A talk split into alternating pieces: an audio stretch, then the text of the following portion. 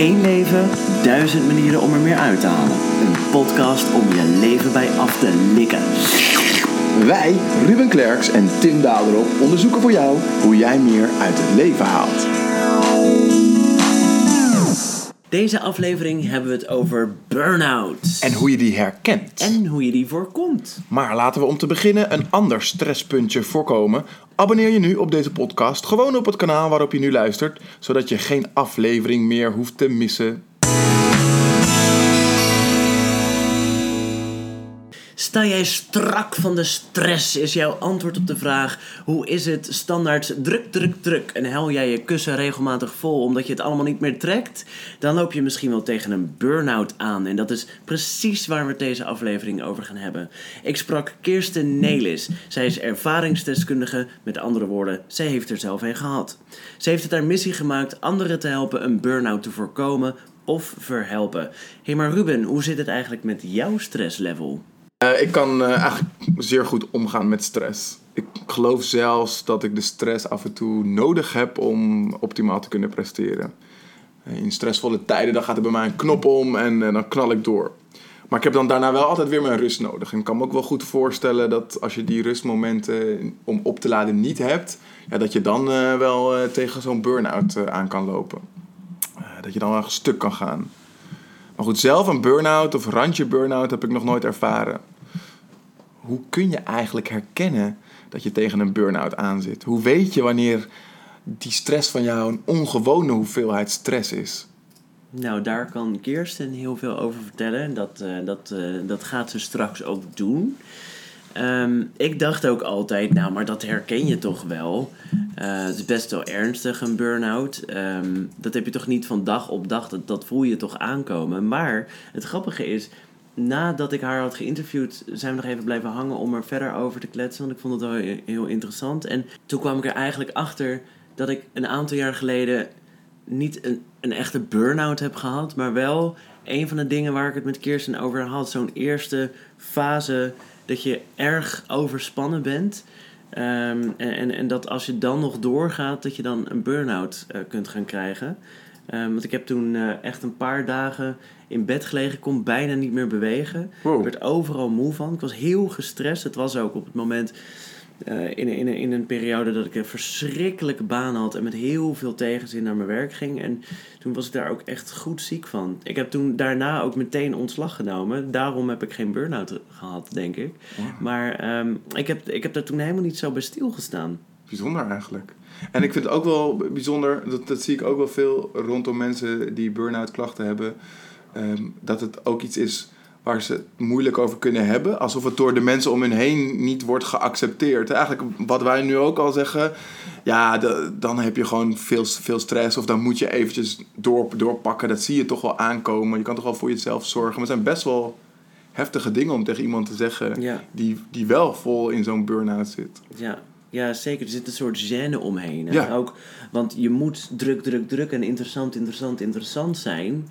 Want als je, als je dat niet hebt, ja, wie, wie ben je dan? Wat doe je dan nou eigenlijk? Wat ben je dan een aansteller? Dan heb je niet een Instagram-famous leven. Ja. ja, ik merk wel bijvoorbeeld dat ik in periodes van stress slechter slaap. Um, en ja. tegenwoordig werkt het zelfs ook andersom. Als ik dan een paar nachten steeds rond 4 uur wakker word, het is altijd rond 4 uur, mm. um, dat ik dan weet dat ik naar mijn werkpatroon moet kijken. Want dan, dan, dan is er iets van een stressfactor waardoor ik niet goed slaap. Ja, werk je dan te lang door? Want dat heb ik. Als ik dan te lang doorwerk in de avond, dan heb ik dat ook. Kan ik het niet meer loslaten en dan word ik ook om 4 uur, 5 uur wakker. Ah. Nee, nee, het heeft, het heeft niet zozeer te maken met hoeveel ik werk, maar meer met wat me nog bezighoudt. Het is gewoon letterlijk dat ik s'nachts wakker schrik, omdat er iets is wat ik nog niet heb kunnen afronden. Of zo'n zo'n los eindje wat ik nog niet heb kunnen afdichten. Ja. Uh, en dat me, dat me dan niet loslaat. Ja, ik merk het aan, uh, aan andere dingen, bijvoorbeeld een trillend ooglid. Dat, um, dat, ja, oh, dat, dat, zijn dus typisch dingen die je hebt als je, waar je op moet letten als je een burn-out wil voorkomen. Daar had ik het dus ook met Kirsten over. Maar als ik dus te gestrest ben voor een lange tijd, en dat is dan niet heel ernstig, maar want het is een van de eerste symptomen volgens mij bij mij, dan krijg ik een trillend ooglid. En dan, um, zeker op, op momenten dat ik iets spannend vind, dan gaat mijn ooglid onwijs trillen. Dan, dan weet ik ook gewoon, oké, ik moet eh, nu eventjes echt even een paar eh, avonden eh, tijd voor mezelf nemen en niet doorwerken ook. En even in het weekend echt weekend nemen, zeg maar. En wat zijn andere signalen waaraan je herkent dat je rust moet nemen? Ja, bij mij bedoel je? Ja. Of in toch? Nou, ik heb dan wat sneller een soort van kramp in mijn, in, eh, nou, in mijn rug, tussen mijn schouderbladen of zo. Dat soort, dat soort pijntjes, dat je dat dan wat meer hebt. Of eh, slecht slaap, prikkelbaar wordt. En dat heeft natuurlijk ook met elkaar te maken. Ja. Ja, dan eh, vind ik dingen heel snel irritant ook. En dan, eh, dan merk ik, oké, slow the fuck down. Oké, nou, laten we luisteren naar Kirsten.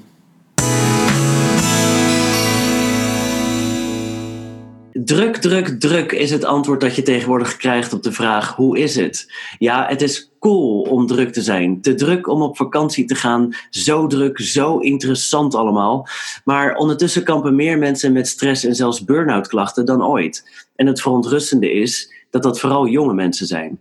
We lijken met z'n allen de verkeerde kant op te gaan dus. En daar ga ik over praten met Kirsten Nelis, ervaringsdeskundige en expert op het gebied van burn-outs. Kirsten Nelis kreeg eind 2010 te maken met een burn-out. Uiteindelijk bleek dat een cadeau, zo zegt zij zelf. Het inspireerde haar namelijk om haar ervaring met een burn-out in te zetten om anderen te helpen. Ze combineerde alles wat ze leerde tijdens opleidingen, workshops, coaching en trainingen om te voorkomen dat andere mensen tegen een burn-out aanlopen of om ze ervan af te helpen wanneer dat toch is gebeurd. Hoi Kirsten. Hey Tim, dank je voor je uitnodiging. Wat leuk zeg. Ja, heel graag gedaan. Superleuk dat je er bent. Ehm, eh, ik, ik zei het net al eventjes, dat, dat druk, druk, druk. Die hele mentaliteit van je moet maar druk en interessant zijn en 24 uur per dag eh, eh, een heel cool leven hebben. Ehm, is dat, denk je, een beetje het, het probleem waardoor steeds meer mensen tegen zo'n burn-out aanlopen? Nou, ik denk wel dat het ehm, een onderdeel is van het probleem. Hè? Kijk, we, we weten steeds meer van anderen wat, wat iedereen doet. Ehm, we vergelijken elkaar, eh, onszelf met elkaar. Ehm, waardoor, en we hebben zoveel keuzes, waardoor we onszelf eigenlijk ja, in de stress helpen. En het is eigenlijk de default modus geworden, de, het standaard antwoord op de vraag: ja, hoe is het? Ja, druk. Ja. Ja, hetzelfde als van hoe is het? Ja, goed. En dat betekent eigenlijk niks meer. dan even voor de duidelijkheid. We hebben het natuurlijk over burn-out. En een burn-out hebben is wel echt even iets anders dan... Ja, ik heb het zo druk of ik ben een beetje gestrest, toch? Wat, en wat, wat is nou eigenlijk het verschil? Wanneer heb je echt een burn-out? En, en wanneer ben je gewoon gestrest? Ja, dat is een superbelangrijke vraag, omdat heel veel mensen ook het onderscheid eigenlijk niet kennen tussen stress, overspannenheid of overwerktheid, hè, hoe je het ook wil noemen, en burn-out. En hoe ik het altijd uitleg, is dat je wanneer je stress hebt, dat je boven op een berg staat. Hè, on top of the world. Want een beetje stress is helemaal niet erg en het zorgt eigenlijk dat je beter kan functioneren en presteren. Nou, dan sta je boven op die berg en dan slaat op een gegeven moment de stress over tot chronische stress. En dat betekent dat je constant ja, een druk voelt, last hebt, te druk hebt, uh, heel veel dingen moet, et cetera. En dan begin je eigenlijk een beetje van die berg af te glijden. Totdat je in een soort eerste kuil komt, een eerste dip noem ik dat. En die eerste dip zou je overspannenheid kunnen noemen of overwerktheid. En dat is eigenlijk het eerste punt waarbij je voelt en doorkrijgt van ja, shit, het gaat eigenlijk niet goed met me. Ja, en, en, en wat, uh, wat merk je aan jezelf op, op, op zo'n moment als je in zo'n eerste dip zit? Ja, in die tijd dat je die chronische stress hebt, en met de eerste dip zeker, uh, heb je al eigenlijk gemerkt, afge- achteraf gezien pas, dat je heel veel verschillende klachten bent gaan opbouwen. Dus je lijf gaat eigenlijk protesteren. En uh, nou, klachten, daar moet je bijvoorbeeld aan denken als hoofdpijn, rugpijn. Dus echt fysieke klachten, buikpijn, nekpijn, maagpijn, van alles en nog wat.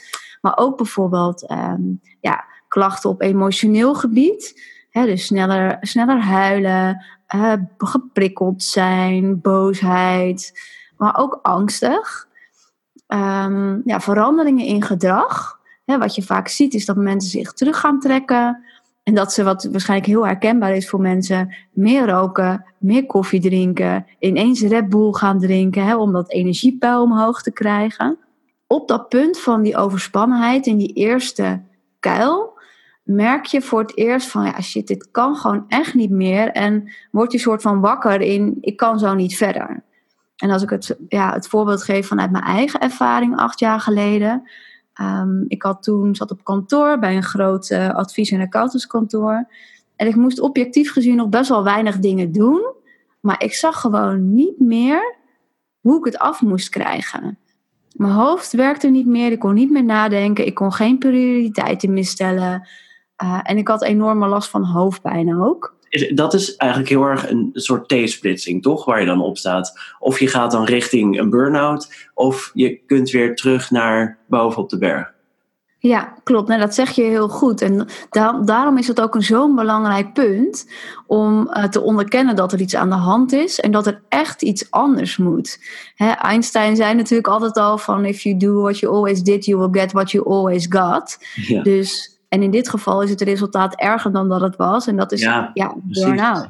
Ja, dus, dus toen zat je daar bij dat advies- en accountantsbureau. Um, en um, in, in plaats van dat je toen wat minder bent gaan werken of anders bent gaan werken, toen, toen ben je op dezelfde manier doorgegaan? Nou, het is, ik ben wel gestopt met werken toen, want die wijsheid uh, had ik toen al wel. Oh, wat goed. Um, maar ik had nog niet door wat er aan de hand was. Kijk, het is acht jaar geleden hè, en toen was het nog natuurlijk veel minder bekend over burn-out. Ja. Uh, maar ik heb niet naar mezelf gekeken toen, wat mijn eigen aandeel was in het geheel. Bijvoorbeeld, ik vond mijn werk niet leuk, maar ook de manier waarop ik de dingen deed. Hè, ik ging constant over mijn grenzen heen. Dus op dat moment leerde ik daar niks van. Ik ben op vakantie gegaan, vier weken. Ik ben vrij geweest nog drie weken. Dus ik ben zes, zeven, acht weken niet op kantoor geweest. En ik kwam terug, maar aan de binnenkant was er eigenlijk nog niks veranderd. En toen ineens, ja, alsof het elastiekje brak. Eén meeting, ik zat in die meetingroom met een team. En het licht ging uit. Maar eh, heel even nog één stapje terug. Um, je zei net, aan de binnenkant was er eigenlijk niks veranderd. Heel veel mensen denken, ja maar hallo, je bent toch lekker op vakantie geweest? Je bent er zeven weken tussenuit geweest. Dan, dan is toch dan ben je toch weer helemaal lekker ontspannen. Wat, wat bedoel je dan precies met die binnenkant? Ja, ik was ontspannen. Ik was ook uh, nou ja, uitgeslapen. Ik had heel veel geslapen, heel veel gewandeld, lekker in de zon gezeten, dat soort dingen. Maar aan de binnenkant, daar bedoel ik mee met ja, eigenlijk hoe ik de dingen aanpakte. Hè, kijk, als je weer het hebt over die berg. Hè, je, je glijdt van die berg af en je bent gewoon op vakantie, ben je relaxed. En dan moet je weer die berg op. En dan zie je ineens die berg op je afkomen. Berg met werk dan ook in dit geval. Ja, en dan zeg je systeem, nou, ho eens even, dit gaat gewoon niet. Precies, dus, en, en, dus met eh, hoe je dingen deed bedoel je... Um, bijvoorbeeld dat je dezelfde baan nog had... en ook dat je op dezelfde manier weer terugging naar je werk... met dezelfde ja. mensen, dezelfde meetings en met hetzelfde gedrag. Ja, en met name hetzelfde gedrag want het zou heel goed kunnen dat je heel leuk werk hebt, want dat hoor ik ook heel vaak, maar dat je toch een burn-out kan krijgen. Mhm. Dus het zijn dus twee assen, de, de dingen die je doet. voor mij, mijn werk vond ik gewoon niet leuk, dus dat was een as die gewoon niet zo lekker zat. En de andere as is de manier waarop je de dingen doet. Oké, en, en, en dus uh, je ging op dezelfde voet door op de, de Einstein-voet. En tijdens die meeting uh, uh, knapte het. Wat gebeurde er toen? Nou, ik kan, ik kan me bijna niet meer herinneren, moet ik al heel eerlijk zeggen. Maar wat ik er nog wel van weet, is dat ik echt enorme hoofdpijn kreeg. En het was echt binnen een uur, hè. Uh, dat ik um, niet meer uit mijn woorden kwam. Dat ik niet meer kon, ja, eigenlijk absorberen wat er werd gezegd. Ik kon het gewoon niet volgen. En ik dacht, ja, dit is gewoon echt niet goed. En ik weet ook echt niet meer hoe ik thuisgekomen ben, want ik moet dan met de auto naar huis. Nou, ik heb geen idee meer. Hoe voorkom je nou dat je op zo'n moment, zo'n uh, zo'n zo'n punt komt als, uh, als, als dat jij uh, zat of lag eigenlijk? Nou, wat het allerbelangrijkste is, is, dat zeg ik altijd, tegenover spanning staat ontspanning. Ja, dus wat er vaak gebeurt als mensen heel veel stress hebben, dan gaan ze niet meer de dingen doen die echt belangrijk voor hun zijn. Dus waar ze ook hun joy uithalen. En voor mij was dat bijvoorbeeld leuke dingen doen, mijn vrienden zien, maar ook goed eten, voldoende slapen, sporten. Oké, dus uit je werk komen en denken van nou, ik, uh, ik even een stress-free avondje voor mezelf. Ik ga alleen maar op de bank liggen, alleen dat is niet per se de beste oplossing. Je kunt dus vaak beter gewoon iets leuks gaan doen. Ja, kijk, ik, zeg, ik heb ook wel eens gezegd, Netflix is een uh, flowkiller. Ja, dus kijk, één, misschien één aflevering kan nog wel tot ontspanning leiden. Maar je kent waarschijnlijk zelf ook wel. Op een gegeven moment kijk je omdat je kijkt. En niet meer omdat je daar bewust een keuze voor maakt. Nou, dus leuke dingen doen. Uh, hoe meer je inspant, hoe meer je ook lekker moet ontspannen. En ontspannen zit hem dus niet in op de bank liggen Netflixen met je telefoon in je hand. Maar leuke dingen doen naar buiten met vrienden. Um, creatieve dingen. Hè? Bijvoorbeeld uh, als je oh, tekenen leuk vindt, of lezen, of uh, schilderen, of haken, whatever. Houthakken, maakt mij niet uit. Ja. Uh, gewoon iets om ja, ook je handen aan het werk te zetten, denk ik, wat goed helpt. Dus dat je vanuit je hoofd meer je lijf gaat voelen. Waarom is dat zo goed, van, van, van je hoofd naar je lijf? Nou, in ons hoofd, daar, daar redeneren we alles. En dat is heel erg ja, gericht op controle houden. En wel als mensen heel erg in de stress schieten, dan, dan hoor ik heel vaak dat, dat mensen heel erg aan piekeren zijn, aan het malen zijn. Hè? En om uit je hoofd te komen, is het nodig om letterlijk je lijf weer te gaan voelen. Precies, dus oké, dus zoiets als yoga, eh, cliché maar waar, dat, dat kan ook gewoon goed helpen. Maar zijn we nu niet ook bezig met symptoombestrijding? Zit het hem niet meer ook in de oorzaak? Hebben niet heel veel mensen gewoon een kutbaan? Nou, zeker weten. Kijk, wat ik net al zei, je hebt de manier waarop je de dingen doet en de dingen die je doet. dus mensen die een uh, eh, KUT-baan hebben, ja, dat had ik zelf ook. Ehm, mhm. daar, dan is, moet je daar iets aan doen. en de andere kant, en daar heb je heel erg gelijk in, is dat je moet gaan kijken van hoe pak ik de dingen aan. Dus wat zijn mijn patronen?